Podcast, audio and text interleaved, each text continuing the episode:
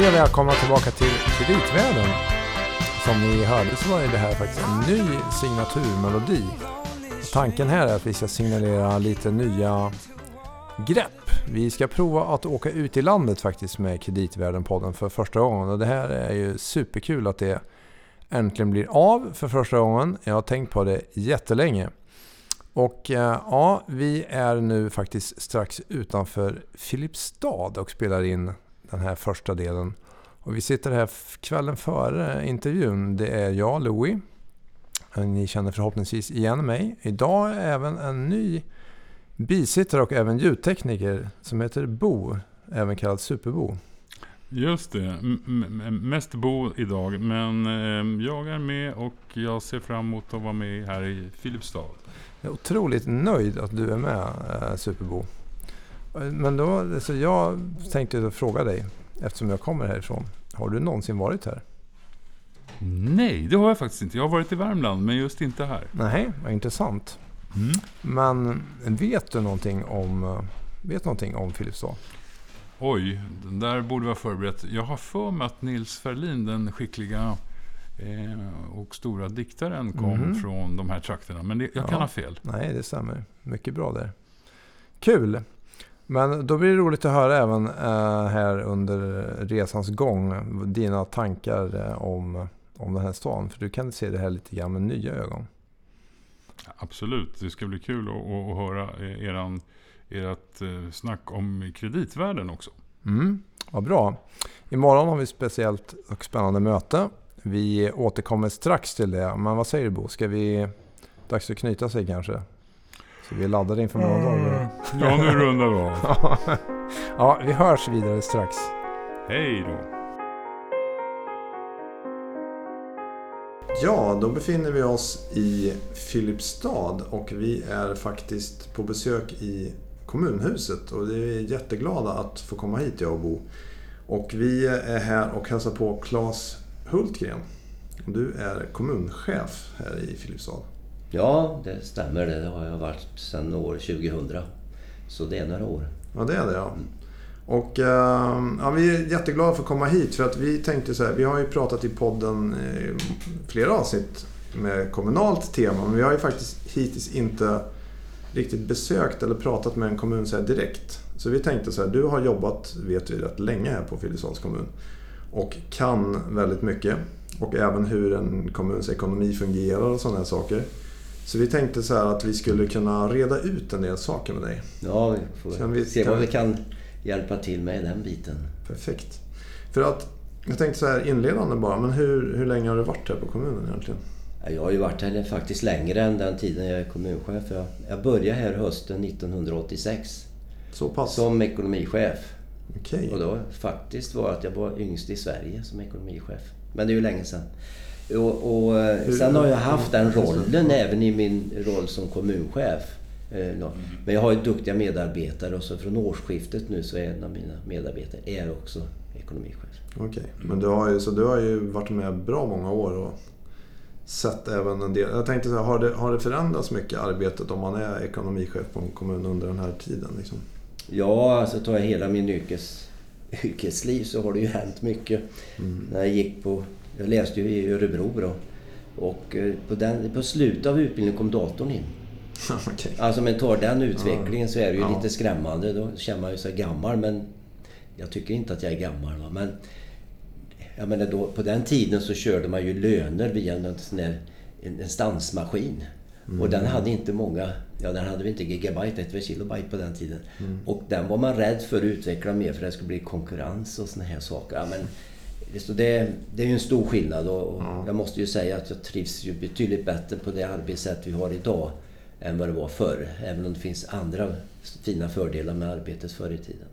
Just det. Ja, det är kanske nya, man, nya utmaningar som har kommit till men det är mycket som är enklare också rent så här, Ja, alltså arbetsmässigt så är det ju en fantastisk miljö vi jobbar i idag. Mm. Och, och, tillgången till underlag och siffror och, och, man kan söka och så. Alltså jag tror de som växer upp idag de, har nog svårt att föreställa sig hur det var när man gjorde ett manuellt bokslut mm. i kommunerna. Och det var inte bara det om man missade stopptider och allt annat. Just det. Men det här, jag tänkte så här, rent, innan vi går in på kommunen bara, men hur, rent allmänt med en kommuns ekonomi, om man skulle förklara det för någon som mer är van på att titta på företag och sånt där. Är det, liksom, är det, väldigt, det är stora skillnader, är det andra nyckeltal och andra, liksom hur... Alltså den, alltså den stora skillnaden är att vi är ju inte ett skatteobjekt. Att vi har ju inte den problematiken med skatter, förutom de bolag och sånt vi ja, jobbar i. Men annars är det ju så att redovisningsmässigt idag så är ju faktiskt redovisning väldigt lik den företagsmässiga redovisningen. Det är resultaträkning och Jajamensan. balansräkning ja. och kassaflöden. Ja, och så var det ju inte förr. Jag kommer inte ihåg när den där förändringen skedde. För man hade ju ett konstigt redovisningssätt som jag till och med har glömt idag. Man mm, pratar om okay. investera stamkapital istället för eget kapital och sådana mm, saker. Okay. Och det innefattade mer. Men sen, sen är det väl klart att det är ju skillnad i kanske de tillgångar vi har mot ett företag. Ja, för att våra tillgångar är kopplade till den produktion eller den verksamhet vi bedriver. Mm. Om du har en skola, ja då har vi en skolbyggnad. Och så länge den skolan finns, då har ju den skolbyggnaden ett bra värde för oss för att bedriva mm. det.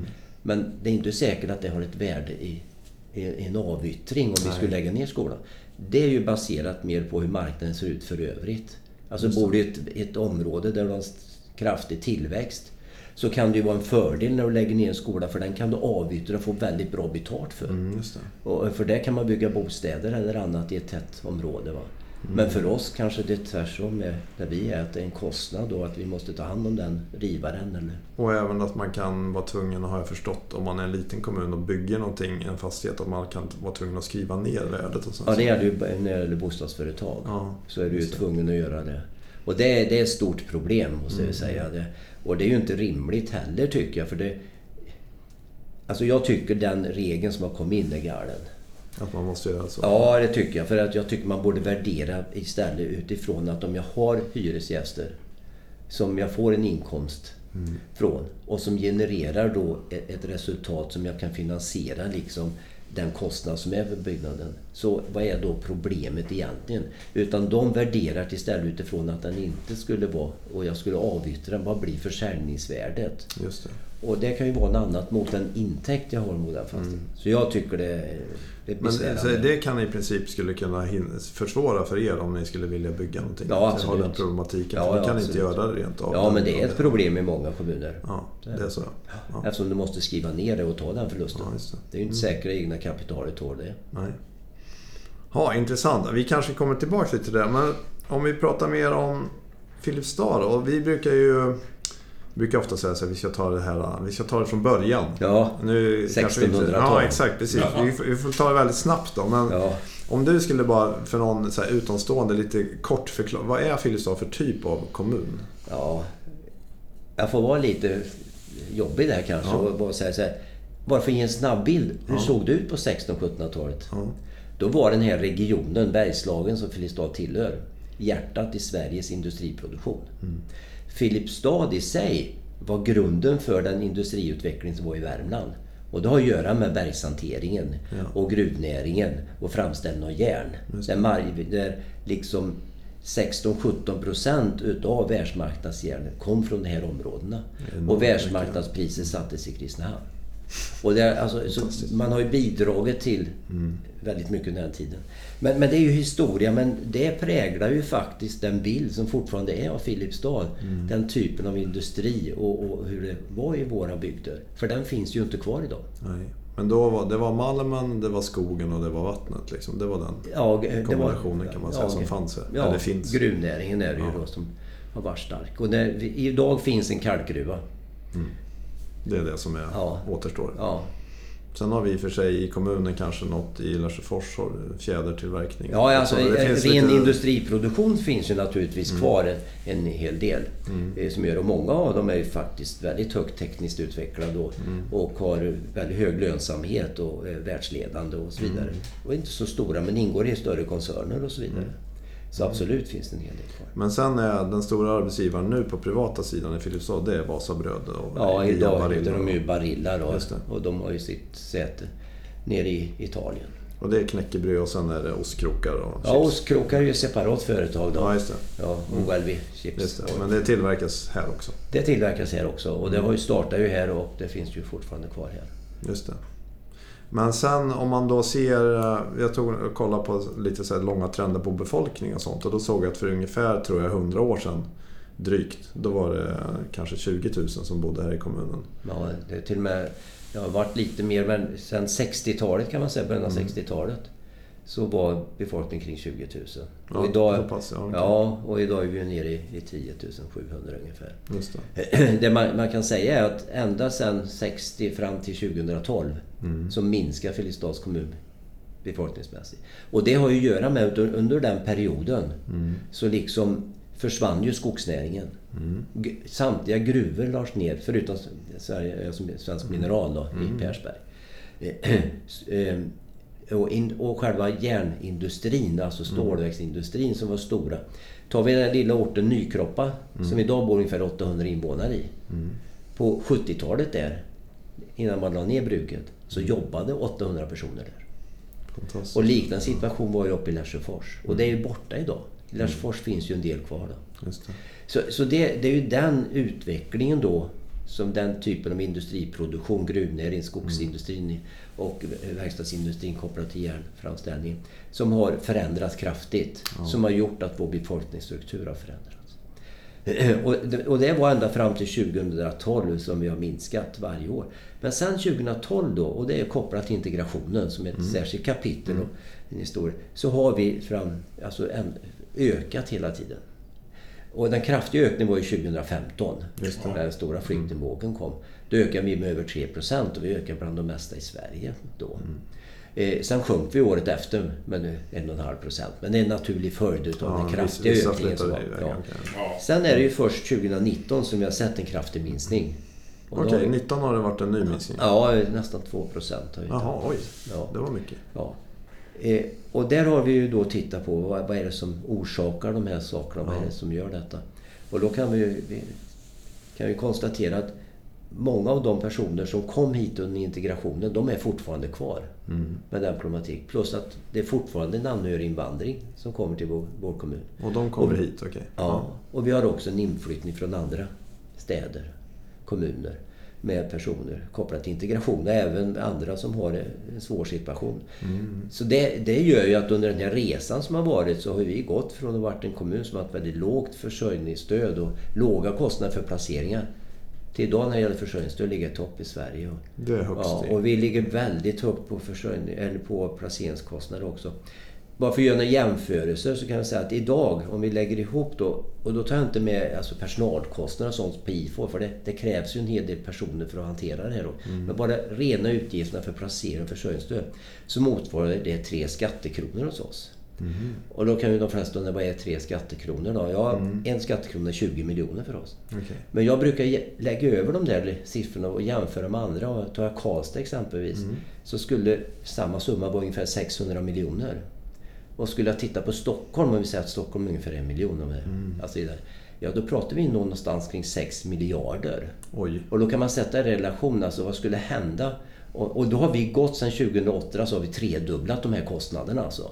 Då, har vi, då skulle Stockholm gått från 2 miljarder till 6 miljarder. Och det tror jag inte hade gått obemärkt förbi. Nej. Och det här är ju det som har varit vår stora utmaning. Mm. Och varit det stora jobbet egentligen att hantera kring det. Så det är den utvecklingen vi har haft. Och vi är ju en kommun som under lång tid haft tagit och haft ett stort ansvar för integration. Mm. Vi var med redan på Balkankrisen sedan 90-talet. Så har vi haft asylboende i kommunen. Mm. Och på den tiden då på 90-talet och, och även in på 2000-talet fungerade det väldigt väl. Då, men det var lite mindre skala då? Så ja, men det var också andra personer som kom och hade bättre utbildningsbakgrund. Ja, just det, just det. Vi hade också en bostadssituation, en arbetsmarknad som fungerar på helt mm. annorlunda än vad det gör idag. Mm.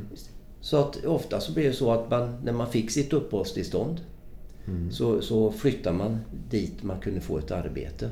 Ja, så vi fick aldrig någon problematik. Det var istället en, en bra ska jag säga, tillskott till, till vår struktur. Och, mm. och många av dem, en del stannade ju kvar och fick arbete i kommunen, vilket är väldigt positivt.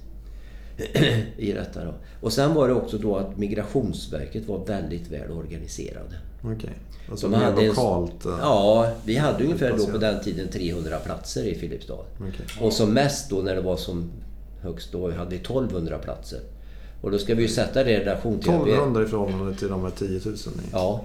Eller? ja. Och det var på 90-talet? Nej, de här 1200 de blev ju nu då i samma 2014-2015. Ja, okej. Ja, Ja, det kan man gå in mer på och resonera. Hur kan det hända då?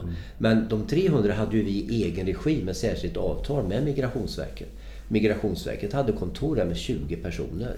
Oj. Men då, då hade de... I också- Filipstad? Ja. Jaha. Och då jobbade de även mot Storfors och Hagfors. Men de hade inte så många platser.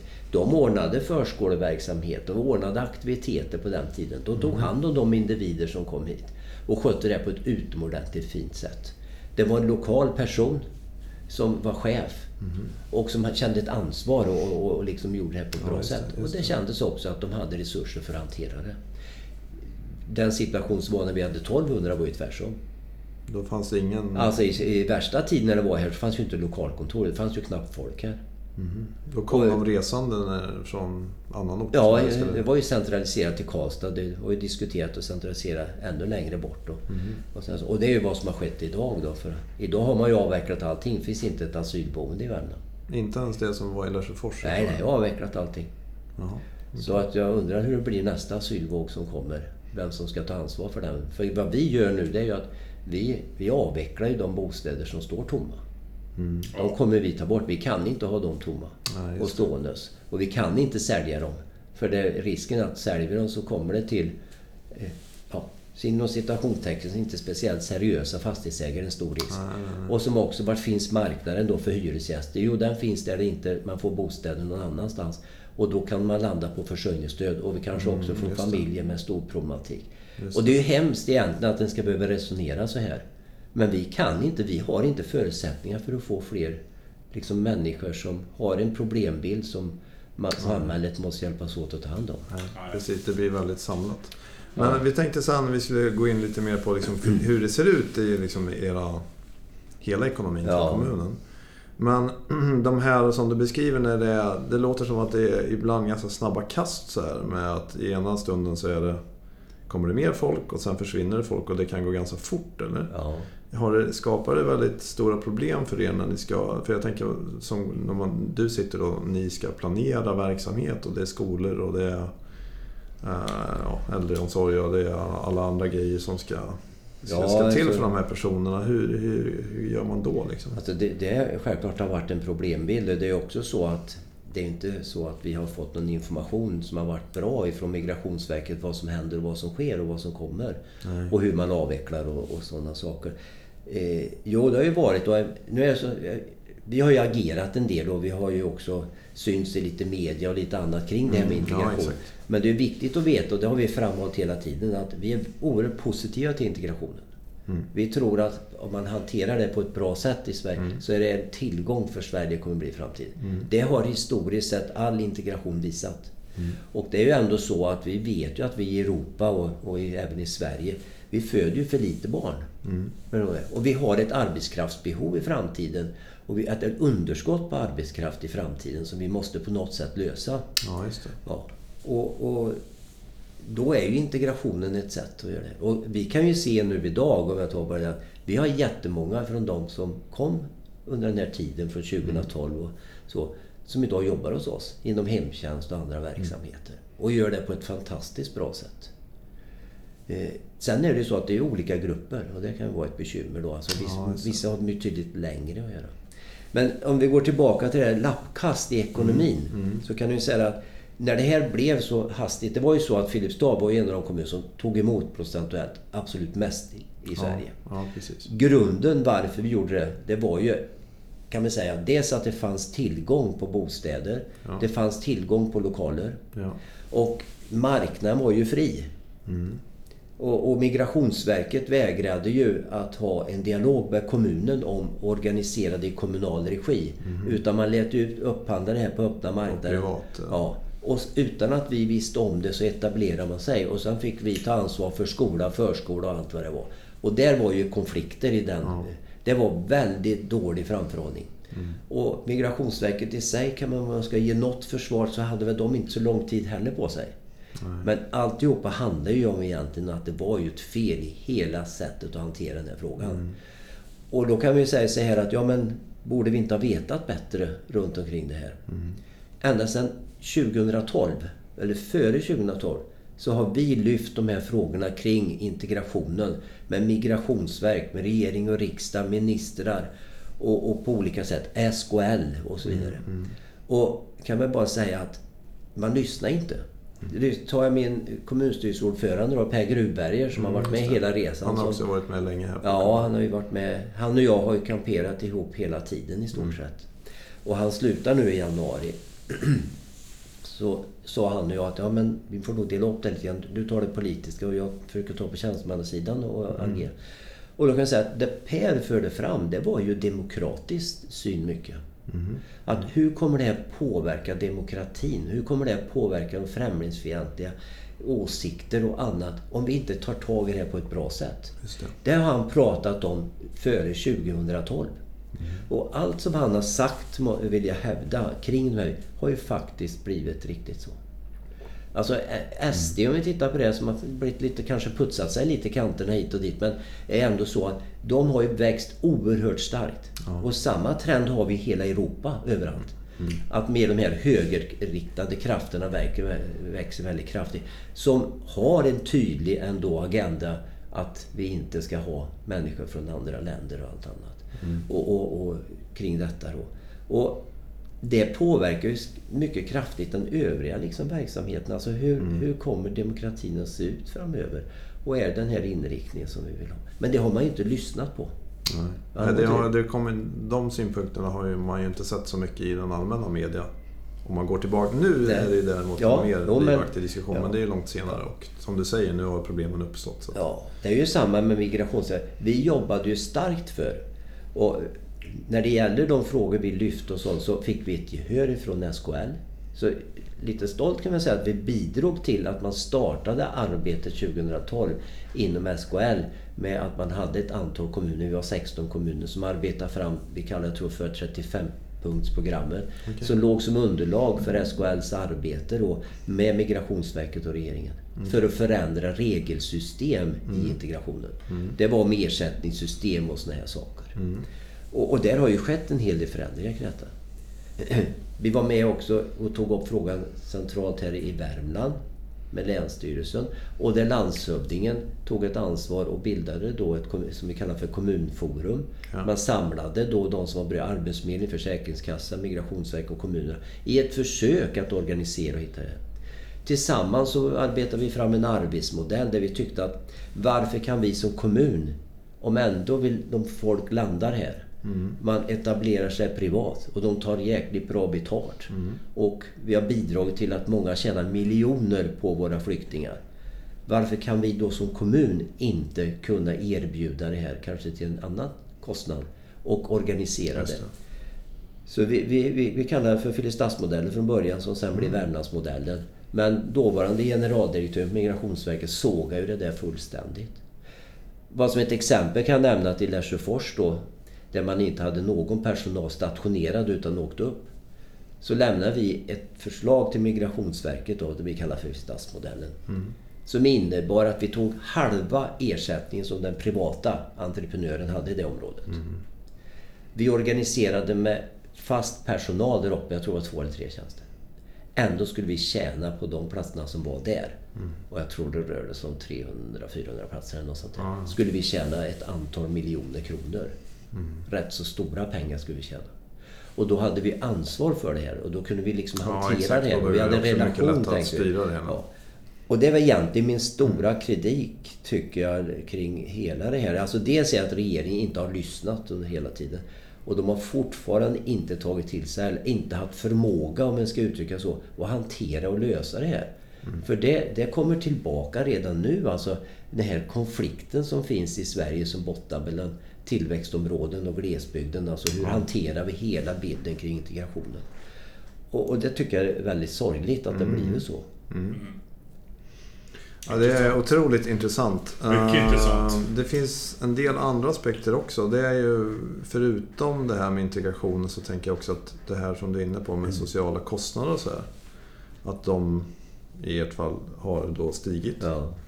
Uh, funkar de här utjämningssystemen och sånt där, tycker du? Liksom? För att ni får ju, om man ska prata lite grann om hur er, hur så att säga, er ekonomi fungerar så är det så att ni har egen, man har egna skatteintäkter som kommun. Ja. Sen så finns det olika former ut, det är både inkomst och kostnadsutjämning. Mm. Så då kommer det extra pengar. Så någon sorts allmänna, ja, en allmän omfördelning då. Och sen så kommer det olika riktade bidrag dessutom då. Mm. Och summerar man ihop det där, går det liksom i... Och så tittar man på kostnadssidan när ni får olika ökade kostnader. Matchar det varandra liksom, eller hur? eh? Egentligen är det många frågor. i- Ja, jag vet det. är, vi får Men ta kan säga så här att det- vi, vi har sagt hela tiden, alltså för vi har ju jobbat för att få regeringen och riksdag att förstå. Mm. Eh, Och, och att kommuner i våran situation, och vi, vi är ju rätt så många landsbygdskommuner och, Mm. som, som har den här bilden och den, sen varierar den ju. Och det, det har ju gett eh, liksom resultat till viss del, även om jag är kritisk. Mm.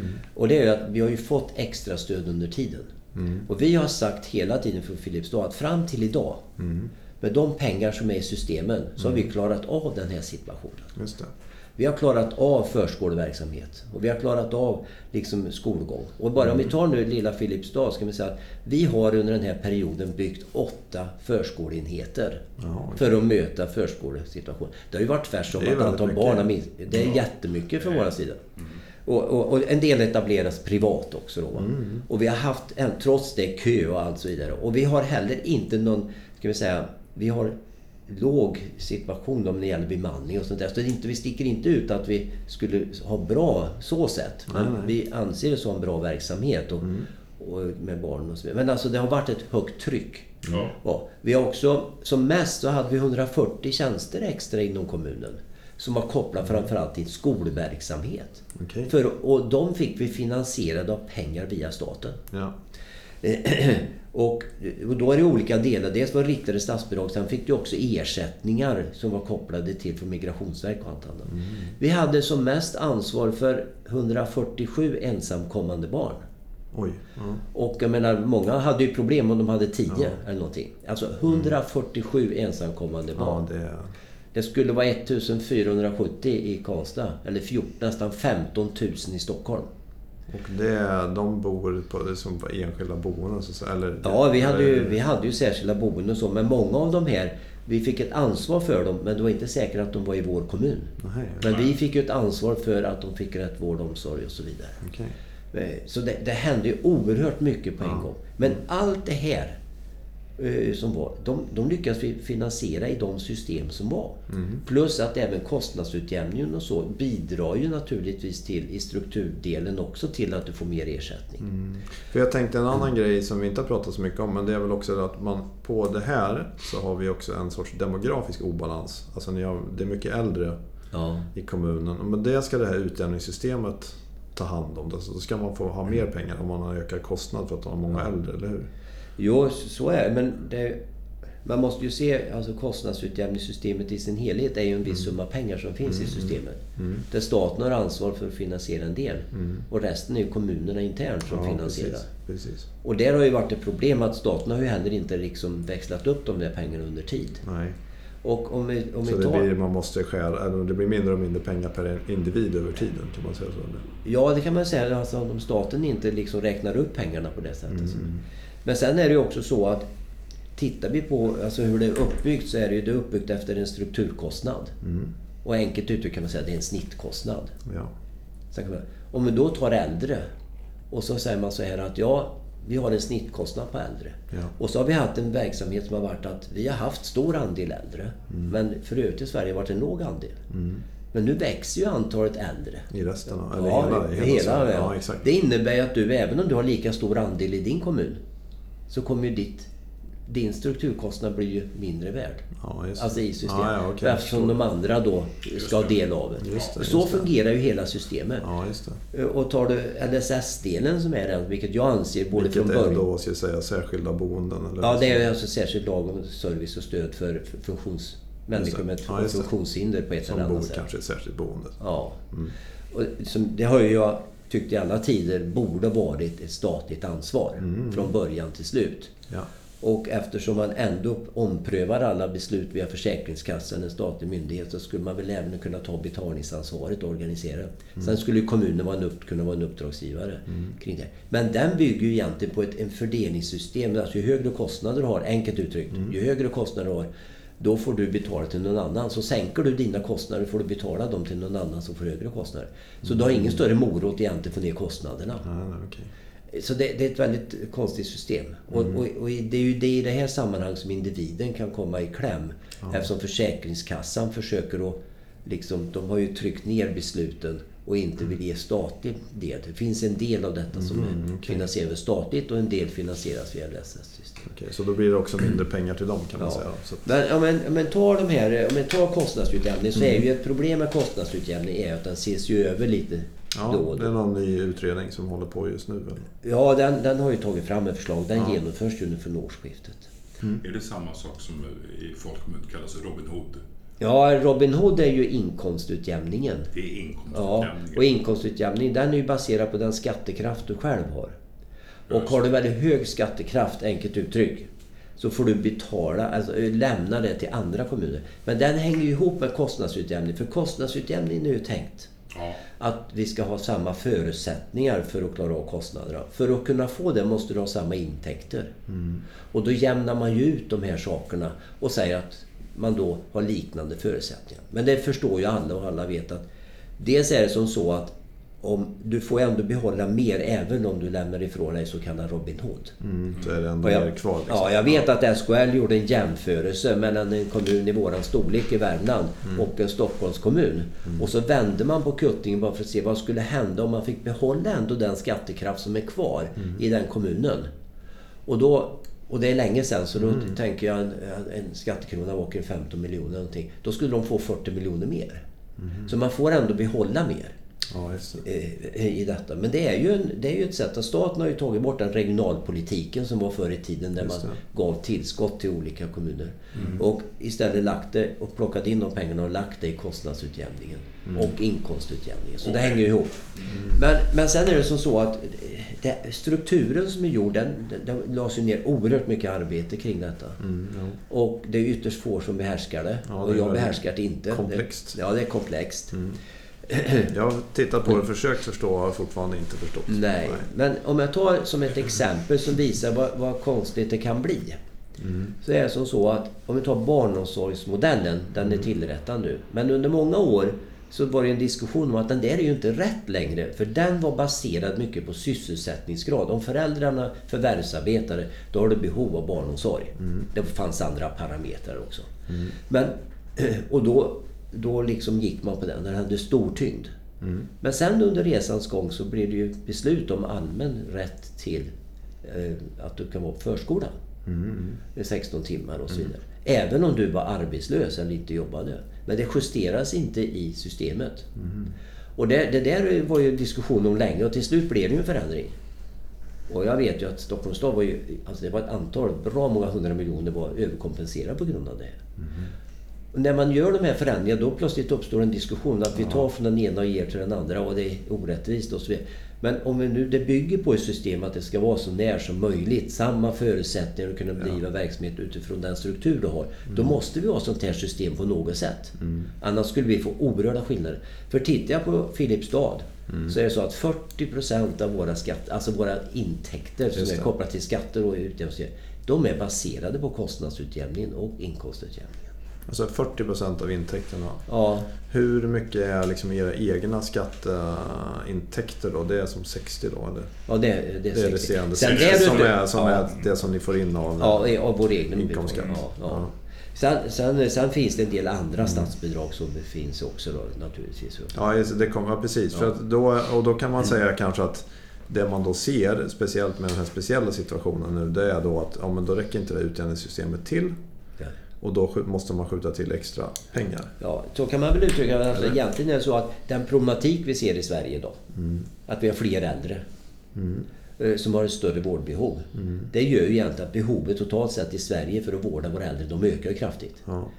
Men vi har ju samma, vi har ju i stor, vi har ju samma system totalt sett när det gäller kostnadsutjämningen. Så det innebär att vi kan ju fördela mindre pengar inom systemet där. Det innebär att vi måste ha andra pengar för att finansiera Men då det. kommer den väldigt intressanta frågan om man då ser det här på 10-15 års sikt framåt. För att just i, faktiskt i förra poddavsnittet så pratade vi om att vi står inför att de här äldre äldre kommer att bli väldigt många fler. Ja. Innebär inte det här att det här systemet kommer egentligen inte att fungera då? Eller fungera kanske det gör, men det kommer innebära att du måste, du kommer ha betydligt mindre pengar per, per äldre då ju, eller? Jo, men så blir det. Men alltså, grunden är ju alltså grundtanken i systemet förändras ju inte. Nej. Du fördelar ju pengar utifrån en strukturkostnad. Ja. Det är bara att strukturkostnaden ökar så det blir, du måste ha ännu högre kostnad för att fördela. Så, så det, det blir att du får ju mindre, mindre pengar. Du Ja, exakt. Men egentligen borde det vara så att staten kommer att behöva stoppa in Ja, ja. pengar i Det är jag helt det övertygad om att staten måste göra om inte vi ska få väldigt höga skatte, skattehöjningar i Sverige. Ja. Och det är ju inte enbart baserat till det här utan det ser vi ju runt omkring nu hur det ser ut. Och det hänger ihop med mycket saker. Men jag tänkte bara ta en sak till med kostnadsutjämning kring det här. Alltså, det, var, för, det var ju för några år sedan då, det var ju nog samma med den här barnomsorgsförändringen, så gjordes det en översyn och det resulterade i att det fanns ett antal som tappade rätt så rejält. Och då blev pros, pro, protest, protester, heter det, ja, ifrån ett antal kommuner. Och för att få igenom det här, vad gör man då? Jo, man kompenserar på något sätt. Eller hittar någon lösning. Då la man in det här att man kunde göra som så att eh, fastighetsskatten blev en del som lades in i, i kostnadsutjämning. Och där sköt ju staten in den peng de hade. Men den förändring som sker över tid på skattesidan, när, när våra värden på våra fastigheter, taxeringsvärden, ökar kraftigt. Och det, vi vet ju att det är inte alla regioner det ökar kraftigt. Nej. Det var en del inom fri, Väldigt olika. fritidsområden och storstadsområden Ja, och annat. precis. Så får, då får man ju en högre andel av det. Och det tär ju från det övriga kostnadsutjämningen, så den penningpunkt som finns. Och tittar vi på Filipstad så har vi i stort sett när det infördes väldigt marginell ökning. Mm. Men tittar man på övriga så finns det de som har ökat väldigt kraftigt, får oerhört mycket mer pengar där. Och det gör ju när man gör den här typen av förändring så urholkar man ju egentligen grundtanken enligt min mening systemet. i systemet. För man kompenserar med någonting. Sen är det saker, det finns ju saker som inte är med. Och, och, och det har man valt att inte göra av olika skäl. Men jag tror framförallt att man säger att det är en tillgång som är begränsad. Och det är också att vi har ju olika värden på tillgångar i kommunen. Och många kommuner har via sina bolag eller via förvaltning sålt ut stora tillgångar som man sedan använder i den kommunala verksamheten. Ja. Och bor du i en bygd som Filipstad så är det inte säkert att det blir en tillgång när du avyttrar något. Utan tvärtom kanske Det är en kostnad för ja. dig att Ja, göra. exakt. Det här vägs inte in. Så jag, jag tror att den här sanningsbilden av hur ser egentligen ekonomin ut i Sverige och så vidare. Den, är nog, den är nog svår att få en riktigt god bild utav egentligen. Men man kan ju uttrycka så här. Kan det vara så att vi som bor i landsbygd och så vidare så har en betydligt högre skatt än vad övriga delar Eftersom skatten borde ju vara lika om förutsättningarna är lika och, och kostnadsutjämningssystemet och inkomstutjämningssystemet fördelar det här på ett bra sätt. Så borde den vara lika. Kan det dock vara så att vi är mindre begåvade och mindre lämpade att sköta en kommunal verksamhet när vi oftast har en mindre verksamhet att hantera och bättre kunskap eller kännedom än vad andra har? Och jag vill säga nej, så är det ju inte. Utan det beror ju på att vi fångar ju inte allting i de här systemen. Nej. Vi har olika förutsättningar att hantera det. Jag har suttit med ett arbete faktiskt med, som vi gick med och det var SKL som eh, gjorde det här. Eh, och det var med kommuner som har haft befolkningsminskning. Och då hade vi i och för sig ökat men vi ville vara med ändå. Och det var många mindre kommuner ifrån Norrlands område. Intressant, för det har vi också haft upp som tema. Oh. Ja, och det var oerhört intressant. Det är första gången jag satt med tre andra kollegor och vi kom underfund med att jag med mina 10 000 invånare drygt var större än de tre tillsammans som kommun. Och när de berättar hur de... De har ju precis lika ansvar. Vi har lika ansvar, de har lika ansvar som Stockholm har. Och när, hur de klarar av att organisera och driva verksamhet, det är faktiskt ofattbart. Att Så att vi har går. oerhört stora skillnader i Sverige och jag tror på sikt att det inte är hållbart.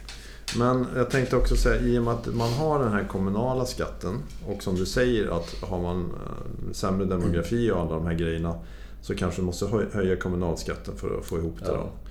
Det finns inte en risk att man hamnar i den här negativ spiral att när du höjer till en viss nivå så blir det så att då börjar folk flytta från kommunen. För att, alltså de som jobbar och så vidare. För de tycker att men här vill jag inte bo för nu är ju kommunalskatten jättehög här så nu flyttar jag till en kommun. Alltså det blir en sorts konkurrens mellan kommunerna. Håller du med om det eller? Ja, men...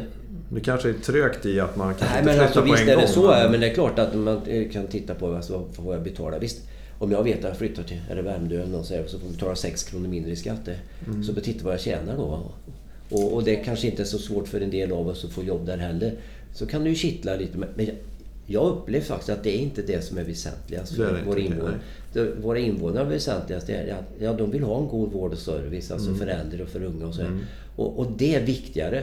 Mm. Och, och det kan vi ta nu som ett exempel på här att vi, vi står ju inför ett problematik att våra, många av de investeringar som är gjorda i Filipstad, likhet med många, många andra kommuner, är att de gjorde samma kommunsammanslagningen. Alltså det, Vi har det här 60, 70-tal och 50-tal. Alltså det är den där tidsperioden. Och där är ju bland annat badhusen klassiskt som det är För frågan. ni har, det, det här är väldigt intressant. För vi har haft uppe det här och pratat om fastigheter och skick Ja. och hur man gör och underhåller och så här. Och då, det finns två frågor relaterat till det här. Nummer ett är ju att om man har mycket andra saker ak- av akut karaktär. Ja. Finns det en risk att, om vi säger VA-anläggningar och sånt där, det får lite grann... Vi tar det när vi... Alltså man skjuter lite grann på det så att man bygger upp en sorts skuld i, av underhåll. Ja, Och nummer två är då när det kommer en sån här grej som jag vet att ni har varit tvungna att stänga simhallen Ja. här för att det är sprickbildning och sånt Ja. där.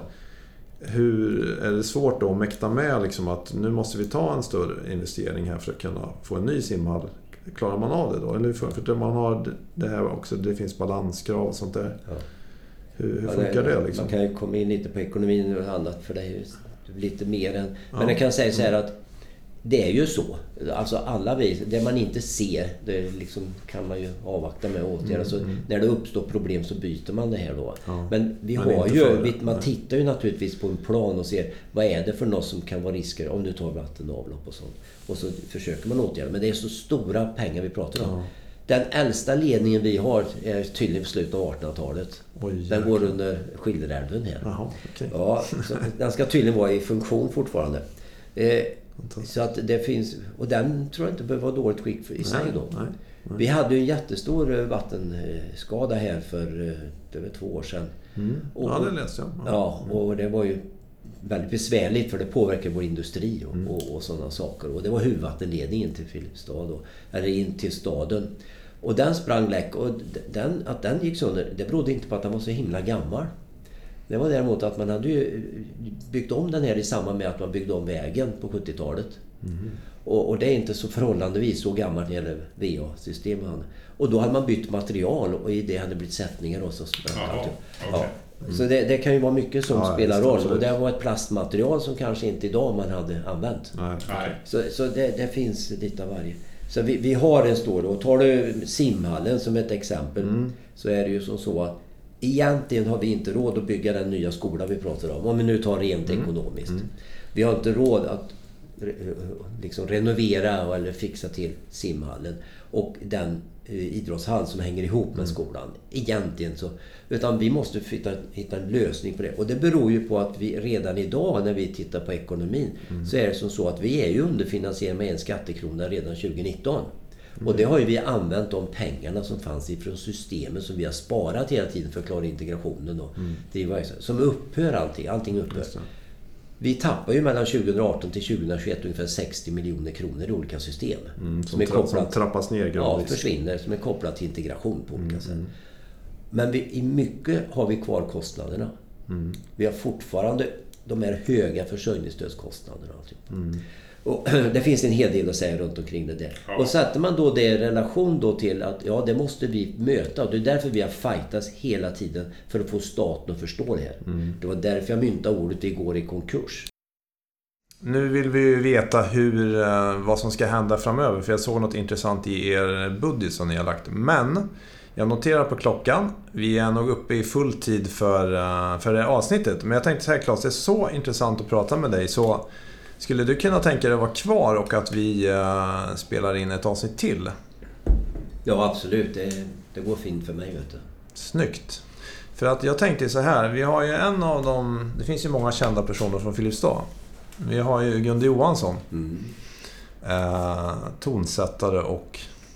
Ja, ska jag säga... Gitarrist. Han finns staty här ute. Ja, precis. Ja.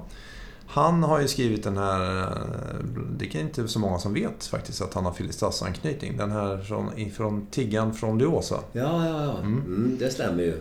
Så Bo, vad tror du om... Skulle du kunna ordna att vi får liksom lyssna en bit på den som avrundning på det här avsnittet? Självklart, det passar jättebra. Jag tror att du också gillar den låten, är det så? Mycket, mycket. Ja, då kommer den här och vi är snart tillbaka och se till att lyssna på nästa avsnitt för då ska vi få höra om vad som kan tänkas hända framöver. Tack för nu. Om sin längtan sjöng han hela natten lång. Det är något bortom bergen, bortom blommorna och sången. Det är något bakom stjärnor, bakom heta hjärtat mitt. Hör något går och viskar, går och lockar mig och beder.